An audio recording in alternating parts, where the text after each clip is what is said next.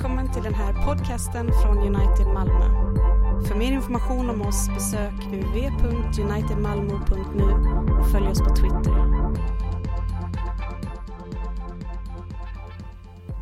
Låt oss förbli stående medan vi lyssnar på dagens predikotext som är från Första Mosebok kapitel 3.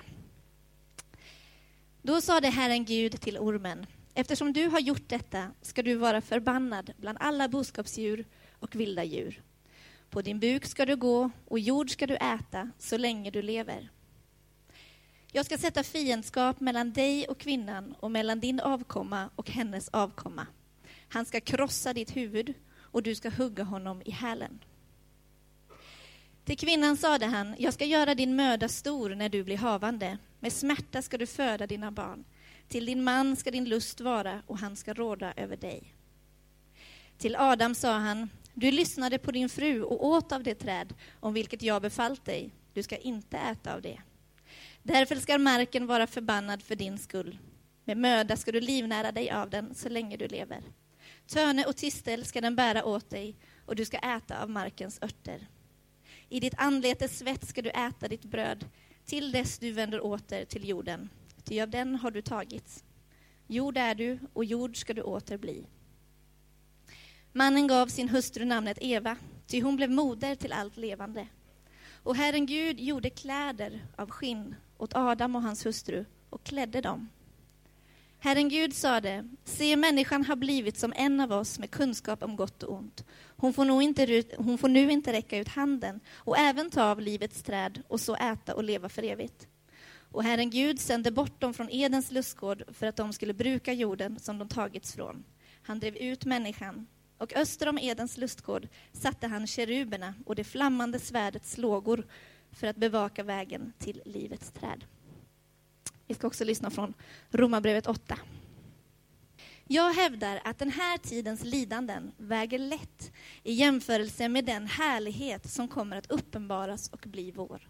Ty skapelsen väntar ivrigt på att Guds barn ska uppenbaras. Skapelsen har ju blivit lagd under förgängelsen, inte av egen vilja, utan genom honom som lade den där under. Ändå finns det hopp om att också skapelsen ska befrias från sitt slaveri under förgängelsen och nå fram till Guds barns härliga frihet. Vi vet att hela skapelsen ännu samfällt suckar och våndas. Och inte bara den, utan också vi som har fått anden som förstlingsfrukt. Också vi suckar inom oss och väntar på barnaskapet, vår kropps förlossning. Detta är Guds ord till oss. Okej, vi dyker in i eh, Genesis som ju första Mosebok heter på latin. Eh, och Genesis betyder ju helt enkelt början, alltings början. Det finns så otroligt mycket av vishet och kunskap i de här enkla, lite naiva texterna som de ju är. Alltså de, de har liksom den här formen och Gud vandrar i lustgården och Eh, alltså de här liksom enkla bilderna för Guds handlande. Men låt inte lura dig av det. Utan här finns egentligen de grundläggande förutsättningarna och svaren på allt det som den bibliska historien handlar om. I förra söndagens predikan hörde vi om världshistoriens mest tragiska händelse, fallet. Gud hade skapat allt gott för sin människa, underbart, perfekt miljö. Och det fanns bara ett enda bud i den här miljön. Alltså, det är inte mycket. En enda grej som du inte ska göra. Ät inte av trädet på gott och ont, för då skall du döden dö. var Guds bud och sen var det då den här domen som skulle följa på detta om man gjorde så. Och Det är viktigt att vi förstår att trädet stod inte för någon slags ouppfyllt behov. Alltså det fanns hur många andra träd som helst att äta av och buskar och rötter och allt möjligt härligt som man ju längtar efter. Men det är inget ouppfyllt behov här, utan människan hade allt hon behövde. Det ligger i hela berättelsen här. Ursynden handlade alltså inte om att äta en frukt på ett träd, såklart. Det vore ju en väldigt så att säga, förenklad och korkad läsning, att tro att det är det som är, det är själva problemet i tillvaron. Människan har ätit frukt. Utan vad det handlar om är huruvida människan skulle leva i förtröstan. Absolut förtröstan på Guds godhet och lyssna på hans röst. Eller om hon skulle lita till någon annan röst. Det är vad det här handlar om. Ursynden då, enligt Bibeln, är alltså att inte lita på Gud. Så enkelt och ändå så grundläggande. Lita på Gud och förvänta sig allt gott av honom i livet. Utan att istället söka mening, godhet och tillfredsställelse utanför Guds vilja. Det är dilemmat och problemet. Och just litenheten i den här gärningen, att äta en frukt, va? den säger oss att Gud är ute efter just den här förtröstan. Och den här lydnaden som följer på den, han är ute efter vårt hjärta alltså. Mer än efter gärningens storlek. Och därför är det så lämpligt att det är just en sån fjuttig liten händ, liksom gärning. Va? För det är själva det som ligger bakom som är det viktiga. Och dagens text då, den handlar ju om följderna av det här upproret. Guds dom över synden och konsekvenserna för synden. För Gud dömer alltid synden och synden får alltid konsekvenser. Men mitt i domen, här för det är inte bara det nämligen, mitt i den här domen så överraskas vi av Guds kärlek och omsorg om sin fallna människa och får höra ett löfte om att synden och ondskan ska besegras. Mitt i mörkret finner vi faktiskt här i den här texten historiens första förkunnelse av evangelium. Goda nyheter och det är Gud själv som predikar bland dagen. Och vi ska se närmare på de här två sakerna då i den här predikan i tur och ordning. Det första, de nya förutsättningarna för livet efter fallet som den här texten ger oss. Och det andra, Guds löfte om frälsning och seger över all synd och ondska. Vi börjar med de nya förutsättningarna efter, fallen, efter fallet. I den här skapelseberättelsen, som ju inleder första Mosebok, så har vi sett att Gud har gett den här skapelsen vissa förutsättningar. Alltså ordningar. Han har bestämt att den ska fungera på ett särskilt sätt. Det här brukar kallas för skapelseordningar i teologin. Och det är alltså helt enkelt ordningar som gör att livet ska fungera som det ska. Att det ska vara gott, att det ska vara bra, att det ska vara ordning och reda. Inte kaos, utan ordning. Och grundförutsättningarna som Gud gav för livet innan fallet var enbart goda. Det gör den här texten helt klart. Tänk på de här orden efter, efter Guds skapelsehandlingar och se, det var gott. Och se, det var gott. Och se, det var mycket. Så det är liksom poängen. Allt det här är gott, alla de här ordningarna är perfekta. En perfekt miljö för människan där livet kunde blomstra på alla tänkbara sätt. Och människan då, både man och kvinna, hade skapats till Guds avbild har vi läst. Och som Guds representanter, avbild, den främsta tanken där är faktiskt representant, viceregent kan man säga.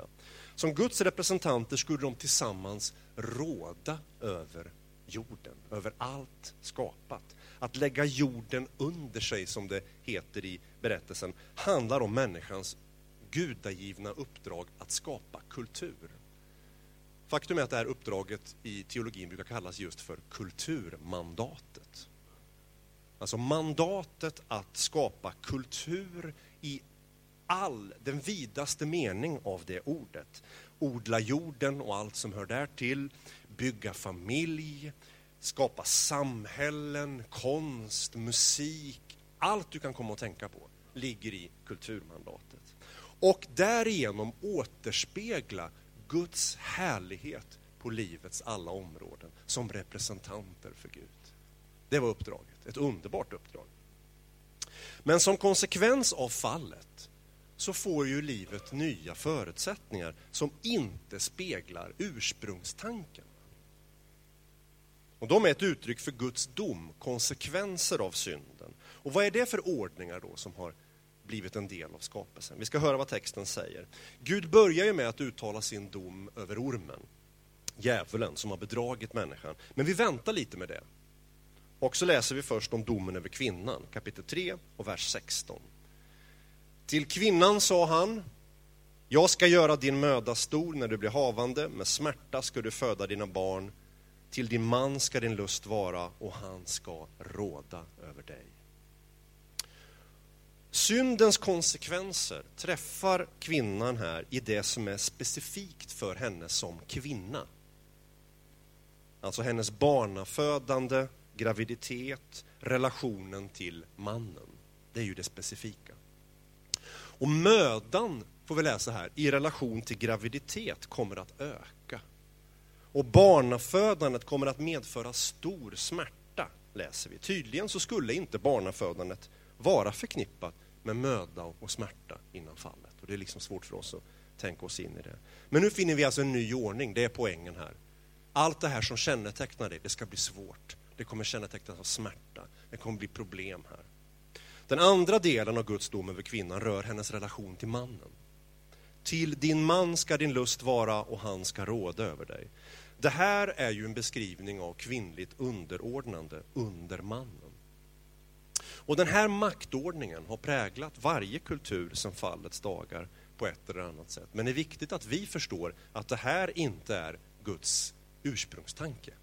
Det här är ingen skapelseordning. Det här är syndens konsekvenser. Det här är snarare en syndens ordning. För Guds ursprungstanke var ju att mannen och kvinnan tillsammans skulle råda över skapelsen. Det läser vi i Första Mosebok 1 och 26. Båda två var skapade till Guds avbild, eller hur? Båda fick Guds välsignelse och båda två fick mandatet att råda och regera över jorden utan några maktdistinktioner dem emellan. Det är ingenting som vi läser om där. Det läser vi om här nu däremot, som konsekvens av fallet. Men de skulle som jämlika partners vårda sig om skapelsen och skapa kultur. Den nya ordningen, som är en konsekvens av synden och ett utslag av Guds dom, etablerar ojämlikhet och manlig dominans i skapelsen. Sen har vi Guds dom över mannen då, Adam. Och här finner vi också Guds dom över marken, som ju är själva grunden för människans liv. Om du tänker så primitivt du kan, så är det ju härifrån kommer ju allt liv. Kapitel 3 igen, vers 17 till 19.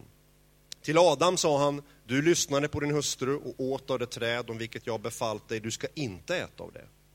Därför ska marken vara förbannad för din skull. Med möda ska du livnära dig av den så länge du lever. Törne och tistel ska den bära åt dig och du ska äta av markens örter. I ditt anletes svett ska du äta ditt bröd till dess du vänder åter till jorden. Ty av den har du tagits, jord är du och jord ska du åter bli. Så återigen är det syndens konsekvenser. Det är inga skapelseordningar, utan en förvrängning kan vi säga av de här ordningarna. Även här läser vi om möda, lägg märke till det ordet, alltså besvärlig problem. För mannens del här specifikt då handlar det om, står att bruka jorden. Och det här har att göra med att den här texten är ju skriven in i ett jordbrukarsamhälle. Så att den liksom berör precis den typen av liv som de så att säga levde i. Det är därför som det betonas så mycket, men principen kvarstår ju också för oss. Tistlar och törnen som ställer till besvär och anletes svett. Alltså svårigheter och möda i arbete och det dagliga livet. Livet var inte tänkt att vara präglat av det, utan av en stor glädje. Tillfredsställelse i arbete, i att bruka. Nu blir det någonting annat här. Problem, törn och tisslar, det blir inte som det ska. Skördar slår fel, alltihopa detta. Och det är ju jordbrukarsamhället som sagt, men den större verkligheten bakom här, även för oss då som lever i ett modernt och urbant samhälle, är ju att livet efter fallet präglas av svårigheter och möda och besvär. Har du märkt det? Ja. Vad bra. Det är ju inte bra kanske, men det är ju bra att du är ärlig. För både män och kvinnor på olika sätt. Livet är svårt efter fallet, för alla. Livet i Eden är över. Det finns inte längre. Det livet är inte längre tillgängligt. Vi läser i kapitel 3 och 23. Och Herren Gud sände bort dem från Edens lustgård för att de skulle bruka jorden som de tagits ifrån. Och vers 24 också. Han drev ut människan och öster om Edens lustgård satte han keruberna och det flammande svärdets lågor för att bevaka vägen till livets träd. Alltså människan efter fallet är utdriven ur Eden. Vägen tillbaka till det här härliga livet är stängd. Hur ska vi förstå den här berättelsen i ljuset av Nya Testamentets vittnesbörd? Vi ska tillbaks till texten, men vi ska hoppa in i den här andra texten som vi läste. Romarbrevet kapitel 8. Sen ska vi läsa vad Paulus säger där. Romarbrevet 8, där talar Paulus om den nya skapelsen som har skapats i och genom Kristus som är på väg att bryta in, ja som redan har brutit in och som kommer att ta över allt fullständigt en dag. Och i kapitel 8, vers 18 till 23, så ska du få höra, lyssna nu efter ekon från den här texten vi har läst. Så du kommer att höra att det där har Paulus också läst. Och sen har han ett nytt ljus över den här texten. Jag hävdar att den här tidens lidanden väger lätt i jämförelse med den härlighet som kommer att uppenbaras och bli vår. Ty skapelsen väntar ivrigt på att Guds barn ska uppenbaras. Skapelsen har ju blivit lagd under förgängelsen.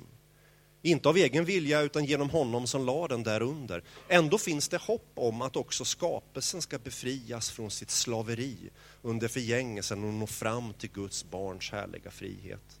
Vi vet att hela skapelsen ännu samfällt suckar och våndas. Och inte bara den, utan också vi som har fått anden som förstlingsfrukt. Också vi suckar inom oss och väntar på barnaskapet, vår kropps förlossning. Har du märke till detta? ekon från vår text. Guds goda skapelse har blivit lagd under förgängelse är ordet som Paulus använder. Det är möda, besvär, tistlar, allehanda problem, svårigheter och jobbigheter. Det präglar livet, lidande, allt detta. Men, säger Paulus, den nya skapelsen som redan har börjat i Kristus, den är på väg och befrielse väntar. Det låter ju underbart. Men var får Paulus det här hoppet ifrån? Det läste ju inte vi om i texten här nu. Det var ju bara negativa saker, eller hur? Som du pliktskyldigt bara, ja, ja, jag håller med, det är möda, tistlar, svårigheter. Absolut, vem kan säga emot detta? Men så Paulus, han har liksom en annan ton, eller hur? För honom är det där liksom i bakgrunden på något sätt. Och sen kommer det här nya, underbara istället. Han har något annat i sikte. Hoppet om en ny värld, en ny skapelse. Och det är hopp om att allt det här mörkret ska lyfta. Ljuset ska bryta fram och hela skapelsen ska befrias. Alltså Paulus är inte bara ute efter att ta emot Jesus i hjärtat, även om det är fint. Va? Han är ute efter att hela skapelsen, alltså hela kosmos, fullständigt omvandlas och renoveras. Snacka om grandios vision. Det är hans vision förresten. Kyrkan han är med i. Den har den visionen. Kosmos hela förnyelse. kan vi snacka om. Det är bra, eller hur? Men vi går tillbaka till den här texten och så läser vi om Guds dom över ormen. För där finner vi faktiskt, ironiskt nog, orsaken till Paulus stora glädje, som också är vårt hopp och glädje genom tron på Jesus Kristus. Så nu kommer vi dit. Går tillbaks till texten. Och så kommer vi till den andra punkten i den här predikan. Den ljusare punkten. Guds löfte om seger och frälsning. Vi läser texten, vers 14 och 15. Då sa Herren Gud till ormen. Eftersom du har gjort detta ska du vara förbannad bland alla boskapsdjur och vilda djur. På din buk ska du gå och jord ska du äta så länge du lever. Jag ska sätta fiendskap mellan dig och kvinnan och mellan din avkomma och hennes avkomma. Han ska krossa ditt huvud och du ska hugga honom i hälen. Kryptiska ord. Och vad vi framför allt inte ska göra, det är att fastna i någon lustig spekulation. Vad var det här för djur? På din buk ska du gå. Mm. Ormen innan fallet gick alltså på ben. Eh, om vi håller, hamnar i de typen av resonemang, då kan jag säga att då har vi inte fångat själva poängen i texten. Lita på det. Så vi bryr oss inte om hur ormen såg ut innan. Vad är förhållandet mellan djuret och Satan? Ja, vi bryr oss inte om det heller. Poängen här är att Satan frestar och talar genom den här ormen. Alltså genom skapelsen själv är nog poängen på något sätt. Det är det intressanta. Och så säger Gud alltså för ormen, alltså djävulen här som får den här domen, ska livet inte bara innebära möda och besvär, utan han blir förbannad av Gud. Såg du det? Han får en förbannelse uttalad. Det betyder att han inte har någon framtid. Det är vad det betyder. Det finns ingen framtid för dig. Du är dömd till undergång, helt enkelt. Det är vad det betyder. Och skaparens ord går inte att undkomma. Har man fått det uttalat över sig, då är det det som kommer att ske. Oundvikligt. Va? Och så kommer de här kryptiska, märkliga orden om avkomma. Ormens avkomma, vad kan det vara? Och kvinnans avkomma. Och egentligen står det säd, vilket gör det ännu lustigare. Kvinnans säd. Ja, men vadå liksom? Mannen och säd brukar vi förknippa. Kvinnan, varför, varför, vad är det här liksom? Och från kvinnan, alltså, den här säden eller avkomman, ska det komma någon som ska krossa ormens huvud. Det betyder sätta stopp för djävulens verksamhet på jorden. Och den segern ska ske på bekostnad av stort lidande. Du ska hugga honom i hälen. Ja, vi som läser Nya Testamentet, vi, ja, vi hör någonting, vi känner igen ett mönster, eller hur? Segraren över ormen, kvinnans avkomma, presenteras efterhand i Bibelns berättelse. faktiskt. Det blir tydligare och tydligare det här. Konturerna liksom blir skarpare. Det handlar om Guds frälsningsplan detta. Gud har inte lämnat skapelsen åt sitt öde. Fast han har dömt den också och låtit konsekvens, syndens konsekvenser vara över den, så är det inte Guds slutgiltiga ord. Det är inte det som han egentligen är ute efter. Han har en räddningsplan. Och han verkar i skapelsen, i det mänskliga släktet för att genomföra den här planen. Och vi kan följa den linjen faktiskt. Eh, och planen genom hela Bibeln ända fram till Jesus Kristus som ju är den som genom sin död och uppståndelse besegrar djävulen och ställer allt till rätta. Och till slut återupprättar hela skapelsen. Allt ska läggas under honom, läser vi i Nya Testamentet. Så Guds frälsningsplan, det här är viktigt, det är inget som utarbetas efterhand. Gud är liksom inte så spontant kör, rolling with the punches. Liksom. Här kommer en sån, jag skickar ut en sån. Här kommer en sån här grej, så som vi är. Vi gör ju ofta Gud alldeles för mänsklig ibland. Nej, Gud har alltså en färdig plan. Och allting kommer att ske i enlighet med den planen, är vad Bibeln lär oss. Så mäktig är han. Faktum är att den här planen, det är ingenting han kommer på på fallets dag heller. Liksom rafsar ihop en idé liksom, om att försöka lösa det här. Utan vad Nya Testamentet lär oss, det är att den här planen är färdig innan världens grund var lagd. Alltså innan Gud ens hade skapat så hade han den här planen och han visste precis vad som skulle hända. Och Det finns ju massvis med ställen som talar om det i Nya Testamentet. Jag ska bara ta ett enda ställe så att du ska få syn på det här. Sen ska vi tillbaka till texten igen. Första Petrus brev. Första Petrus brev 1, 18-20. Och hör de här orden om planen här som ligger. Ni vet ju att det inte var med förgängliga ting, med silver eller guld som ni blev friköpta från det meningslösa liv ni ärvt från era fäder. Utan med Kristi dyrbara blod, som med blodet av ett lamm utan fel och lyte. Han var utsedd redan före världens skapelse men har i dessa sista tider uppenbarats för er skull. Utsedd redan före världens skapelse. Gud är suverän. Gud utarbetar en plan genom hela historien för frälsning och upprättelse och befrielse för sin människa. Och den planen, det är den som är grunden för det här löftet som vi har hört då, om seger och räddning. Lägg märke till att första gången vi hör evangelium så är det inte soning som står på spel, det kommer vi se är viktigt sen, utan det är seger. Seger, triumf över all ondska, alla destruktiva makter, allt som reser sig upp mot Gud, allt som förstör. Det ska besegras. Men ända fram till historiens slut, förstår vi, så kommer det att finnas en konflikt i tillvaron. En kamp. Ormens säd som strider mot kvinnans säd. Det kommer att pågå. Alltså det är mörkret som strider mot ljuset. Det är andra ord för att säga samma sak egentligen. Och det faktum lär oss att Guds rike är ett, med Gustav Auléns ord, ett kämpande rike. Guds, ord, Guds rike det dyker inte bara upp en dag så här, bang! Det var ju vad man hade väntat när Jesus kom. Men det kom ju på ett helt annat sätt, eller hur? Senapskorn man pratar om. Nå någonting som sås eh, på ett helt annat sätt. Det är ett annat typ av rike som inte kommer med buller och bång på det där sättet. Det kommer gå en lång tid av konflikt och många gånger, gånger kommer det att se ut som om mörkret ska segra. Men Gud har lovat att ljuset till slut ska segra över mörkret. Och det löftet får vi hålla fast vid.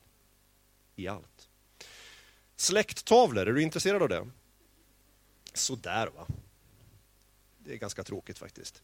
Eh, det är också någonting som man kan läsa i Bibeln och snurra in sig i helt meningslösa spekulationer. Och det ska inte vi göra här idag då. Utan de här släkttavlorna som vi finner från kapitel 4 och framåt, de ger oss liksom hintar om att Gud är aktiv och utarbetar sin frälsningsplan. Det är poängen med de här släkttavlorna, att visa just detta. Mitt i det mörker och elände som har följer på fallet så verkar Gud. Ni vet att Eva får två söner först. Och inga spekulationer, hur kunde hon få det och vem var, ni vet alla de där grejerna lägger vi också ner. Det är inget sånt som den här berättelsen liksom tar upp. Va? Eva får två söner, Kain och Abel. Men Kain dräper Abel. Vi ser där syndens effekter direkt i kapitel 4.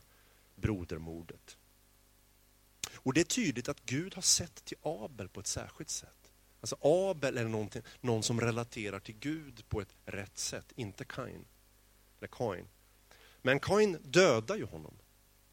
Så redan här får vi en försmak av konflikten i tillvaron. Oj, det är ormens säd och kvinnans säd. Och det ser ju för ett tag ut som om ormens säd ska vinna här. Va? Men Eva får en ny son. Hon har det? Han heter Seth. Och genom hans släkt ser vi att den här kvinnan säd, den här planen, det här löftet, det fortsätter. Från Seth kommer sen Noa, som vi kommer få höra om. Och från Noa kommer, han får tre söner, vet du, Sem, Ham och Jafet. Det finns säkert en sång om.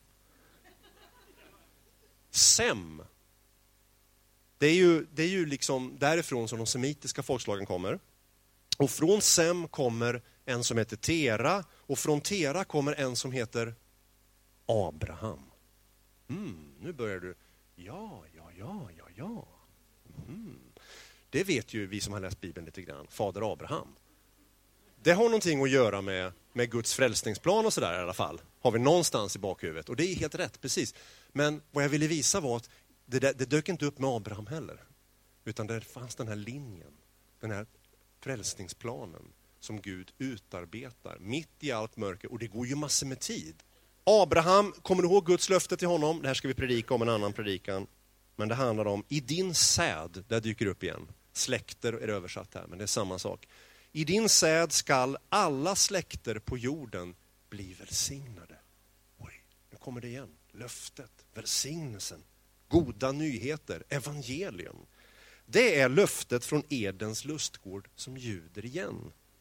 Gud ska frälsa, Gud ska rädda. Gud ska inte lämna det här till undergång, han ska välsigna. Han har en god plan. Från Abraham kommer Isak och Jakob.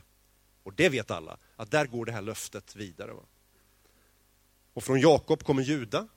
Från Juda kommer David. Från David kommer Jesus, om vi hoppar fram fort. Vi skulle kunna ha ett riktigt nördbibelstudium här såklart. Och gå igenom alla släkttavlor. Och det skulle vara fantastiskt roligt att stryka under och så vidare. Men det passar inte nu. Vad jag vill peka på är hur centrala de här kryptiska orden om kvinnans avkomma är. Jag hoppas att det har blivit tydligt här. Och det visar sig till och med vara, fast de är så kryptiska, själva centrum i hela den bibliska berättelsen. Just de där orden om kvinnans säd som ska krossa ormens huvud. Det är Bibelns berättelse i ett nötskal. Guds frälsningsplan. Och det här är viktigt om vi vill förstå Bibelns budskap och läsa Bibeln rätt. Det finns ett grundmönster i den bibliska berättelsen, ett huvudbudskap. Och det budskapet, kära vänner, är evangelium. Goda, glada nyheter om Guds nåd och barmhärtighet för fallna människor. Det är vad den här boken handlar om. Så Bibeln är inte en bok om alla möjliga saker. Tips och råd om ditt och datt för liksom ett optimalt liv. Då läser man Bibeln fel. Det är liksom ingen managementguru som har knopat ihop det här. Utan det här är Guds uppenbarelse om frälsning och räddning genom Jesus Kristus. Då läser vi den rätt. Jesus själv sa alla profeterna, lagen, eh, texterna, all, de handlar om mig. De handlar om mig. Alltihopa handlar om mig. Det kan man tycka först, gör det. Det är alla möjliga grejer här. liksom. Ja, om du läser den rätt så handlar den allting om honom. Det är Guds budskap om att det som har gått förlorat i fallet ska upprättas i Jesus Kristus. Och när vi läser Bibeln från det perspektivet, då förstår vi den rätt. Vi ska bara läsa ett sådant sammanhang. Eh, andra Timoteus brev kapitel 3. Jag är snart färdig här. Första Timoteus, eller vad säger jag, andra Timoteus kapitel 3, vers 14-15. Paulus pratar till sin lärjunge Timoteus. Säger så här. Men håll fast vid det som du har lärt dig och blivit överbevisad om. Du vet av vilka du har lärt det. Och du känner från barndomen de heliga skrifterna som kan göra dig vis så att du blir frälst genom tron i Kristus Jesus. Det är själva syftet. Liksom, läs nu Bibeln så att du får optimala principer för hur ditt företag ska kunna gå bra. Nej, det är inte det du ska hålla på och titta efter. Läs Bibeln så att du blir vis till frälsning i Jesus Kristus. Så att det här löftet, så att du får höra det om och om och om igen och bli försäkrad om att Gud verkar, att Gud handlar, att Gud frälser genom Jesus Kristus. Det är det den här boken handlar om. Hur får vi del av löftets välsignelse då? Måste vi avsluta med. Det här vill vi ju ha, såklart. Det blir den riktigt viktiga frågan för oss här och nu. Gud verkar, Gud har en frälsningsplan. Han är god, han välsignar. Det finns ett löfte. Hur, hur blir jag delaktig av löftets välsignelse? Ja, redan i Abrahams berättelsen så ser vi mönstret faktiskt för hur vi blir delaktiga av det här löftet. Och vad är det då? Vad ska vi göra? Ingenting. Lita på Guds löfte. Tro kallas det för också. Ta emot det som Gud säger. Lita på det. Precis det som stod på spel i fallet, som vi började med. Ska vi lita på Gud eller inte? Ska vi lita på hans godhet? Ska vi ta emot det han säger och tro att det är sant och lita på det? Eller ska vi lita på någon annan röst? Det är alltid det som står på spel. Det är alltid det ormen är intresserad av, att vi ska lyssna på någon annan röst. Vår egen förvirrade röst, eller någon annan röst där ute. Men istället får vi alltså lita på Guds löfte. Kommer ni ihåg att det var det Abraham gjorde? Jag menar, det är ju en sån knasgrej som sker där, rent mänskligt. Va? Här lever han liksom kanonbra där, ur i Kaldén. Det låter ju hur exotiskt som helst. Det vet vi att det var faktiskt. Det var en, en väldigt fin stad. Han kallas ut därifrån av Gud på något märkligt sätt och ska leva liksom beduinliv i det här landet som, som ska bli hans. Det är lovat honom, men det blir ju liksom aldrig hans under hans levnad. För att de facto, alltså det som faktiskt händer, det är att han lever beduinliv. Åker runt i tält och grejer och styr där. Va? Och i och för sig blir rik och sådär, får massa kameler och massa barn och tjänare och visst alltså. Men och det som sker där är ju väldigt, väldigt märkligt. Va? Och vad han gör och vad det handlar om är, han litar på Guds löfte. Gud har sagt detta, han håller fast vid det. Det är det hela.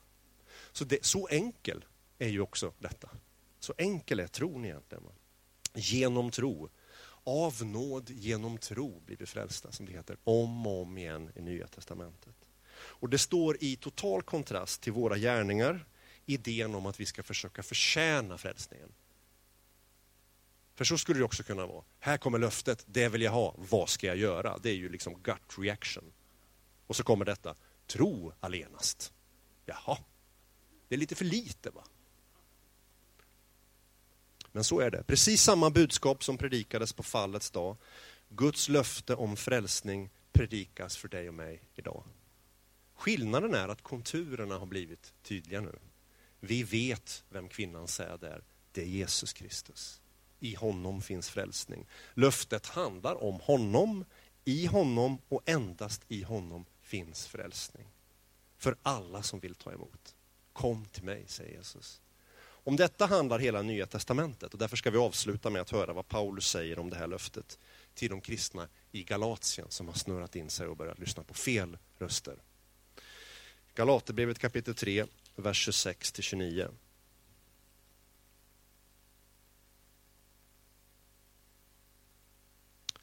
Galaterbrevet 3, vers 26-29. Alla är ni Guds barn genom, här kommer det igen, tron på Kristus Jesus. Alla ni som har blivit döpta till Kristus har blivit iklädda Kristus. Här är inte jude eller grek, slav eller fri, man och kvinna. Alla är ni ett i Kristus Jesus. Om ni nu tillhör honom är ni Abrahams avkomlingar, arvingar enligt löftet. Där är det. Löftets uppfyllelse i Jesus Kristus. Bara genom att höra och ta emot får vi del av Guds frälsning. Och löftet gäller alla som vill ta emot det helt utan motprestationer och utan gärningar. Fritt och förintet. Så den, det ställs vi inför här, du och jag, idag också. Vi vill lyssna till skaparens ord. Hans ord är ordet om Jesus Kristus. Eller vi vill lyssna på en annan röst. Skaparens ord ett löfte om frälsning, seger över all synd och ondska genom Jesus Kristus. Och alla som håller fast vid det löftet omfattas av denna frälsning. Amen.